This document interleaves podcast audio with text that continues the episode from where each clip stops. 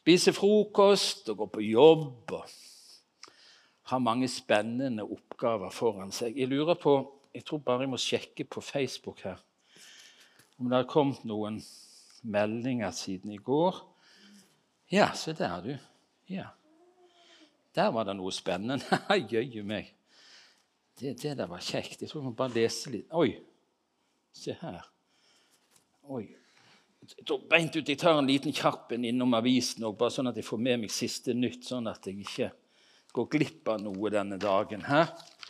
Det kunne jo hende at det sto noe viktig som vil påvirke denne dagen og liksom sånn. Ja, Det er godt at jeg har Dagen her òg, en litt sånn kristelig avis. Kanskje der står noe. Det sto ikke så mye i Aftenbladet i dag, men Ja, se her, ja. Lånte ut gavepenger til eget selskap. Det er interessant. Jøye meg. Sånn kan de òg gjøre det. Ja, se her. Går snart av med pensjon. Ja, det er jo aktuelt men vet ikke hvor han skal bo. Se her, du, det der var, det var interessant. Se her. Og ja, også disse evinnelige debatter. Ja, forresten, forresten, jeg må bare sjekke. Se her, se her. Om det har kommet noen meldinger på Skal vi se om det har kommet noe på Snapchat. Se her, ja! Der var lillegutten snadder, altså. Ha? Sitter der og spiser med bringebærsyltetøy. Å, kjære deg. Ja, ja, ja, det er godt å begynne dagen på rett måte, liksom, og konsentrere seg. Oi, kjære deg. Det lå visst en bibel under alt dette. Ja, nå har jeg ikke tid, rett og slett. Jeg tror rett og slett jeg må bare gå jeg, hvis jeg skal klare å, å nå jobben i tide.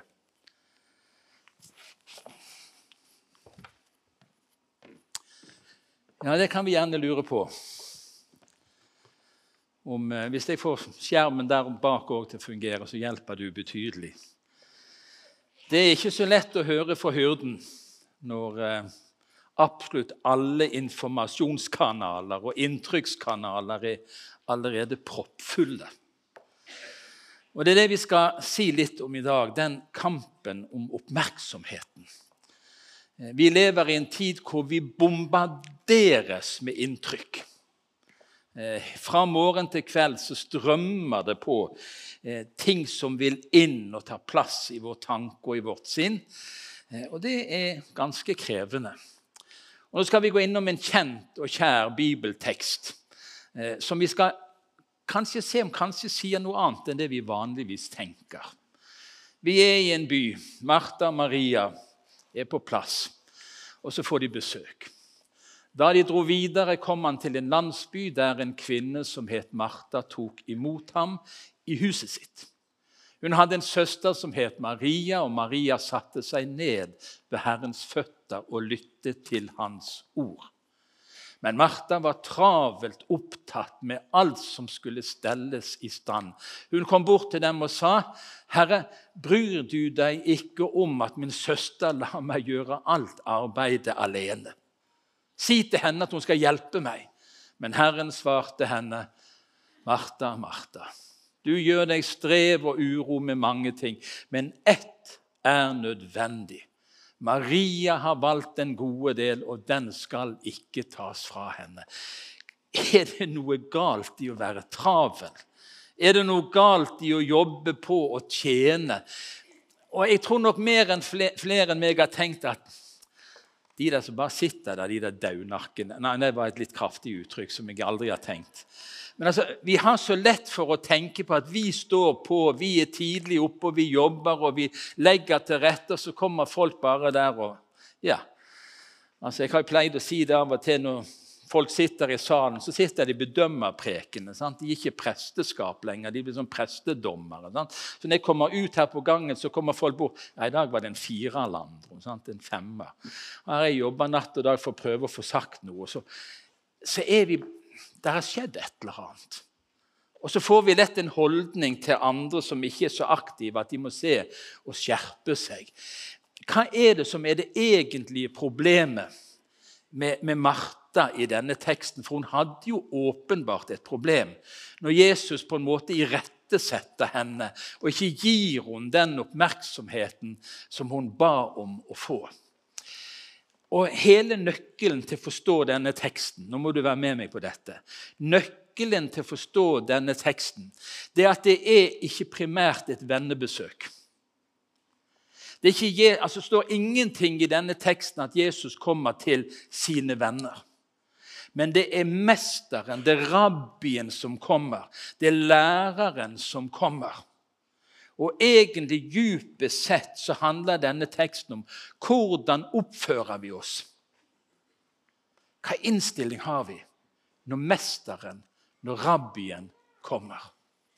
Vi tenker at det er en Martha-måte å være kristen på og en Maria-måte å være kristen på. Og det er noen sånne Martha som har tenkt jeg er ikke så veldig opptatt av å sette meg ned og være stille. jeg vil være aktiv og stå på. Og så er det noen Maria som tenker å takk og lov Jesu føtter ei stille stund. Når orda kommer fra hans egen munn. Så, så tenker vi at det er to måter å være disipler på. Å følge en mester på. Men det er ikke det en som har skrevet om dette her, sånn rabbitradisjon. Vi, vi, forstår disse tekstene med våre vestlige briller, men vi må forstå de ut ifra den kulturen de ble skrevet inn i. Å sitte ved sin Herres føtter bokstavelig talt var en rabbinerelevs stilling i forhold til sin Herre.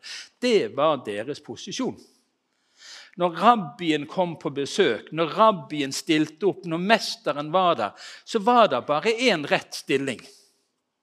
Og det var rett og slett sittestillingen, lyttestillingen. Det var ikke en Maria-posisjon og en Martha-posisjon. Det var ikke et valg.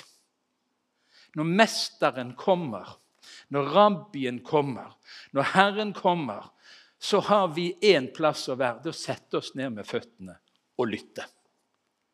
Det er den rette plassen å være. Så er det andre ganger vi kan snakke om en Martha-tjeneste og en Maria-tjeneste. Men ikke når det gjelder dette at rabbien, mesteren, kommer på besøk. Når han setter seg ned og begynner å tale, så har disiplene bare én plass å være. I stillhet ved hans føtter. I Forkynneren så står det noen herlige vers i kapittel 3. Det står i innledningen der at alt har sin tid. Én tid er det satt for alt det som skjer under himmelen. Så kommer det en sånn nydelig setning i vers 7. Det er én tid for å tie, og det er en tid for å tale. Når rabbien kommer, når Mesteren kommer, så er det ikke fritt for oss å velge hva vi skal gjøre. Da forventes det at nå er det en tid for å tie og for å lytte og for å lære. Og Det er faktisk nøkkelen. Jeg har liksom ikke tenkt så mye på det. For Martha og Maria Jeg vet ikke hvor mange ganger jeg har fått kjeft når jeg har snakket om den teksten, og så kommer noen av de ivrigste og sier alltid er det vi som får kjeft, vi som gjør alt i denne menigheten. Og De der Mariaene som bare sitter der, de får jo alltid rosen. Det handler ikke om det. Det handler om at det kommer en mester på besøk. Det kommer en rabbi på besøk. Og når han kommer på besøk, så er det en tid for oss å tie. Det er en tid for oss å sitte stille.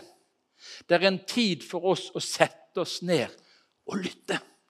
Det er sånn at ørene skal være på stilka, for nå taler altså Mesteren. Nå er rabbien her, og vår oppgave er å lytte. Og jeg tenker at Vår utfordring kan være at vi er travle når vi skulle lytte. Kjenner du deg igjen? Vær helt ærlig. Du vet det at det er noe viktig i et samfunn, et fellesskap, men det er så mye du skulle ha gjort. Jeg vet, jeg blir aldri mer travel i hodet enn jeg setter meg ned og leser Bibelen og ber. Da kommer jeg på alt jeg skulle ha gjort. Merkelig. Andre ganger glemmer jeg hva jeg skulle ha gjort. Men jeg åpner Bibelen og når jeg setter meg ned for å lese og for å be, så er jeg plutselig Oi, nå, nå må jeg rekke det, og jeg skulle ha svart på den mailen. Og så dette detter det på meg. Vi blir travle når vi skulle tie. Når vi skulle lytte. Og Det kan godt hende at du sitter på Fredheim nå et helt annet sted i tanken din. Oi, har jeg skrudd jeg av eh, strykejernet, eller satte jeg strømmen på for mye på steiken som står i ovnen. Altså, vi kan være alle andre steder. Som Helene sa, vi er i samme rom, men vi kan være helt forskjellige steder. Og så er det en annen utfordring. Vi er i ro når vi skulle tjene. Det er den andre siden. Når oppgavene er der, og det er tid for å ta tak, så sier jeg nei, nå, nå setter jeg meg ned så lar jeg de andre gjøre. Vi har noen utfordringer. Denne teksten vi kan ikke gå så dypt inn i det, men den taler til oss også på et dypere plan.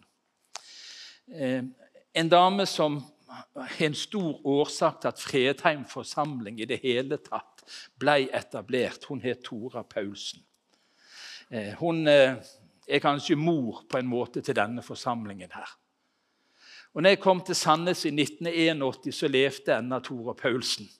Hun var en myndig dame. Det fins noen av de. Når hun snakket, så retta du ryggen. Og Etter et søndags kveldsmøte så kom hun bort til meg og så kom hun med hjertet sitt. Og Så sa han, 'Runar, du må hjelpe de unge til å forstå at det ikke er de som bærer troen. Det er troen som bærer de.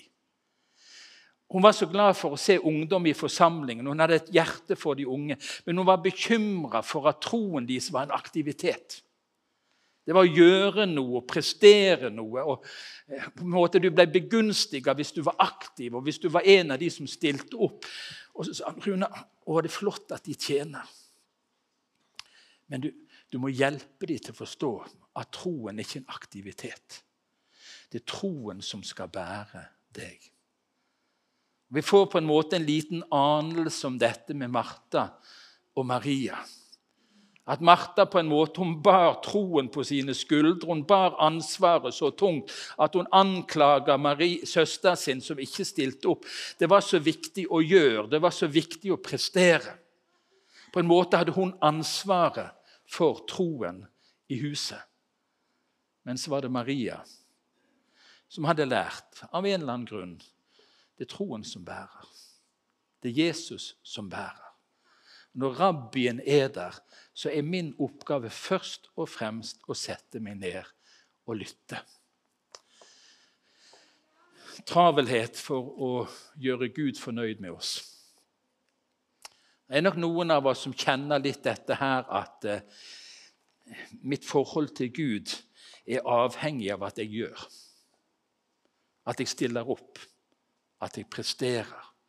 Og Jeg har sagt det litt sånn i fleip at den, den ene sangen som vi sang i gamle dager på bedehuset, det er 'Alt er ferdig, jeg skal ikke gjøre'. Det blir en sånn sovepute. Sant? Forlate mennesker. Å, herlig at jeg skal bare trenger ikke gjøre noen ting. Men det er en tid for å tie. Og det er en tid for å tale. Og Når rabbien er der, når mesteren er der, så er det en tid for å tie. En tid for å lytte. Det er en som har sagt om uh, denne teksten noe som jeg synes var en sånn liten oppsummering. Problemet altså, for Martha var at hun hadde begynt å forholde seg til Jesus på samme måte som hun forholdt seg til alle mennesker hun ellers tok seg av. Hun var så vant til å stå på, hun var så vant til å betjene, hun var så vant til å arbeide, hun var så vant til å være vertskap og husmor og tilrettelegger at når Jesus kom, så ble han behandla som en vanlig gjest og ikke som mesteren. Ikke som rabbien. Det er en kjempeforskjell når Jesus kommer, og når det kommer venner på besøk. Når Jesus kommer, når Jesus er til stede, når Jesus er der som rabbi, som mester, så er det bare ett valg for oss folk. Uansett hva nådegave du har, og hvilken personlighet du har, sett deg ned. Ti stille og lytt. For det fins en god del. Og det er nydelig noe i denne teksten som vi får et innblikk i. Vi kan, vi kan virkelig senke skuldre, men ett er nødvendig. Maria har valgt den gode delen, og den skal ikke tas fra henne. Der er et sted, der er en posisjon, der er en relasjon som ingen kan ta fra oss hvis vi bare har valgt å være der hvor den gode delen er. Når Mesteren taler, jeg sa det nettopp, så er det ingen unnskyldning at vi er forskjellige og har forskjellige oppgaver. hvis vi liksom hadde begynt å snakke om hvordan vi liker å, å ha det i troslivet vårt, hvordan vi lytter og lærer, og hva, vi, hva som tilfredsstiller oss og gir oss mening, så hadde vi fått forskjellige svar. Men den gode delen handler ikke om det. I et annet besøk som Jesus var, så var han hos en fariseer som het Simon. Vi leser om det i Lukas kapittel 7. Så var det mange folk som kom der. Det kom en dame der og, og, og vaskte Jesu føtter med sine tårer og knuste en verdifull krukke og salva føttene hans. Og så var Simon sånn som folk flest, sånn som vi ofte er. Hva slags løsning er dette her? Når du, Jesus, er her, hvorfor sløser hun? Og så sier Jesus mildt, men tydelig til Simon, 'Jeg har noe å si deg.' Si det, mester, svarte han. Og du er på gudstjeneste nå på Fredheim, en vanlig søndag. Og vi er her for å lytte til Mesteren.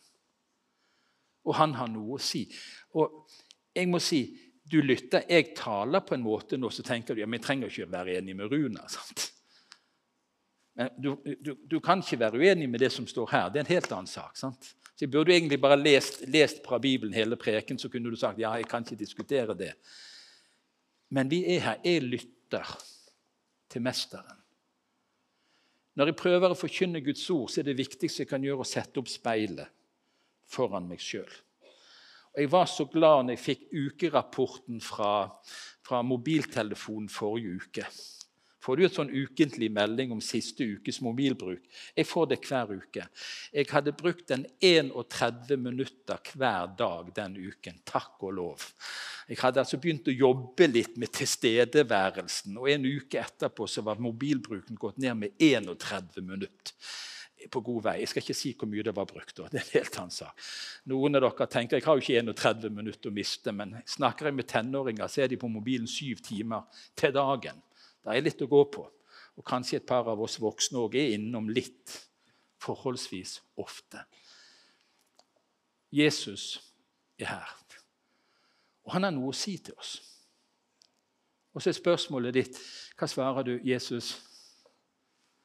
Se på Maria der. Se hva hun er opptatt av. Det var ikke sånn det skulle være. Eller Jesus, si det. Tal. Tal inn i mitt liv. Det er nemlig en tid for å tie. Og det er en tid for å tale. Dette med tjeneste Nå sier Bibelen at Gud angrer ikke sitt kall og sine nådegaver. Og Det er en velsignelse at det han utruster oss med, skal vi få lov å bruke i et langt liv. Men det skjer noe gjennom vårt liv. Vi er ikke alltid i samme overskuddsposisjon til å tjene og til å yte. Det forandrer seg. Evnen vår til å bidra kan skifte gjennom et langt liv. Ikke av vrang vilje, men fordi livet farer sånn med oss. Det er ikke bestandig. Det er ikke der den gode delen fins. Men Jesu ønske om å tjene oss varer hele livet uansett våre skiftende omstendigheter. Uansett hva som skjer i ditt liv og i mitt liv. Om ting forandrer seg, og du blir utfordra på områder som krever deg, så forandrer ikke den gode delen seg. Den er bestandig. Jesus er der hver eneste dag i ditt liv. Han er til stede. Han er en rabbi, han er en mester. Han har noe å si til deg. Han har noe å velsigne deg med. Han har noe å oppmuntre deg med. Det forandrer seg aldri. Kunne vi splandert et halvt halleluja på det? Hæ? Eller er det blitt så selvsagt for oss at ja, det går liksom bare inn og rett igjennom på den andre siden? Men han er der. Det forandrer seg ikke. Da han kom nærmere, spurte Jesus ham, 'Hva vil du jeg skal gjøre for deg?' Sånn er Jesus. Vi er opptatt av å gjøre for Jesus. Og det er en tid for å tjene. Vi skal snakke om det seinere i denne serien her. Men grunninnstillingen, den gode delen, den som ikke blir tatt fra oss, den som er varig, den som er bestandig, det er Guds tilstedeværelse i vårt liv, den er der hele tiden. Og han spør oss hva vil du jeg skal gjøre for deg? Det er ikke du som skal bære troen, det er troen som skal bære deg. Det er ikke du som først og fremst skal tjene Jesus, det er Jesus som vil tjene deg. Og ærlig talt trenger ikke du å bli betjent av han. Har du ikke noe i bagasjen du kunne tenkt deg å lagt av hos Jesus? Synden som så lett henger seg ved oss. Sant? Hvor blir vi kvitt den? Med blikket festa på Jesus. Troens opphavsmann og fullender. Kan vi få legge det av? Der er uro, der er uro for framtid, der er uro for mennesker vi ber for. Der er så mange ting som legger seg på som en byrde. Og ikke minst i vår kultur som en burde og skulle ha gjort. Og så er den gode delen, den som aldri blir tatt fra oss, den er at Jesus kommer til oss. Hva vil du jeg skal gjøre for deg? Og jeg vil så gjerne åndelig styrke. Dette mine sånn oh, Jeg skulle så gjerne vært sterk og rask og bare flydd bortover i det åndelige livet. Og hva handler det om? For så sier Herren Gud. Altså Nå taler Mesteren. Nå taler Rabbien. Israels hellige. Hvis dere vender om og holder dere i ro, skal dere bli frelst. I stillhet og tillit skal deres styrke være. Det er en tid for å tie. Det er en tid for å lytte til Israels hellige, Herren vår Gud. Og så kommer det så tragisk i slutten av det verset, hvis vi hadde lest hele verset, men dere ville ikke. Sånn står det. Vi tror. Sånn, Brett opp armene, stå på, jobb litt ekstra. Yt litt ekstra, så skal det nok bære gjennom. Men åndskraften og styrken i kristenlivet vårt, den hører den gode delen til. Den hører den gode delen til. Sånn taler Mesteren. At vi forskjellige kan påvirke hvordan vi lytter. Gud taler på mange måter, selv om det er bare ett sted vi kan være 100% sikre på at det er han som taler, og det er her. Her, her taler han. Vær du sikker. Her taler han. Her taler han inn i våre liv. Her taler han om andre mennesker sitt liv. Her taler han om oppdraget. Her kan du være trygg på at det er han som taler. Vi skal i en senere undervisning gå litt mer inn på ulike måter Gud taler på. Men i dag Gud er til stede. Han er her. Nå er jo den bibelteksten Anne Lene siterte, et K2 og 3. Vi er jo litt flere. Så jeg håper det gjelder hvor det er 150 og 200 òg. Men han er jo det. Bare vi er samla i hans navn. Denne søndags formiddagen er du et sted hvor mesteren, rabbien, er til stede. I dag er spørsmålet er jeg til stede. Er du til stede? Når han sier 'Hva vil du jeg skal gjøre for deg?' Er du til stede? Han ønsker en respons på det. Ikke først og fremst hva du skal gjøre, men han ønsker først og fremst en respons på det. Hva kan de få lov å gjøre for deg?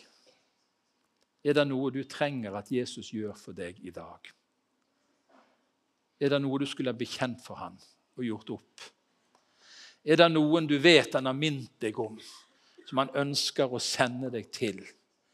Er det noe i ditt liv av bekymringer og uro du skulle få lagt av hos Jesus? Det hører den gode delen til. Den gode delen. Og siden jeg nå er blitt 65 år, så må jeg få lov å sitere en gammel sang. Er det greit, Per Jone? Ja. Jeg, det er jo disse sangene jeg kan utenat. Jeg beklager dette. Men dette er ikke den sangboken før den forrige sangboken. før der igjen, Men dette er for den som noen ennå bruker. Ved Jesu føtter ei stille stund. Når orda kjem fra hans egen munn. Når jeg med Jesus aleine er, da er det hugnad. Da er det stas å leve. Denne søndagen har jeg bare lyst til på Jesu vegne å invitere deg til den gode delen. Det er en tid for å tie, og det er en tid for å tale. Det er en tid for å lytte, og det er en tid for å tjene. Og best er det når vi tjener lyttende, sånn at vi tjener Han, og ikke oss sjøl over egen agenda. Og så er det godt for noen å være sammen to og tre når de er sammen med Jesus. Vi er forskjellige. Men jeg har lyst til at du bare skulle få lov å puste det inn ved Jesu føtter, Mariaplassen. Den gode delen. Når ordene kommer fra hans egen munn.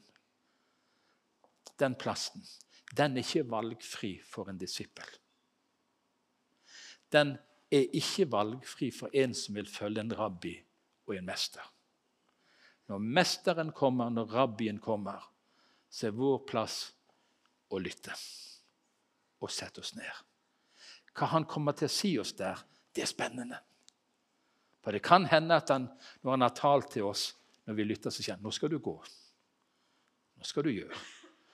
Men jeg har vært der før. Jeg har vært der før. Gjerningene ligger ferdige. OK? Tok du han? Må jeg ta det om igjen, eller er det greit nok? Trenger ikke banke din, skal vi be sammen. Jesus, takk for at det fins en god del. Og den skulle ingen ta fra oss, sa du. Og Nå bare ber jeg Jesus i ditt navn at alle vi som er på Fredheim, og de som lytter til denne dagen, finner den plassen. Og den er faktisk ikke valgfri så lenge du er en rabbi og en mester. For da er det bare ett sted, har du sagt. Der skal vi være og lytte. I stillhet og tillit skal vår styrke være. Og Herre, nå bare ber jeg inn i de livssituasjonene som vi bærer med oss inn i denne gudstjenesten. Herre, nå ber jeg at du skal tale til den enkelte, sånn som du gjorde det til den blinde. Hva vil du jeg skal gjøre for deg? Og Herre, så ber vi om at du gjør det. I Jesu navn. Og folket sa amen.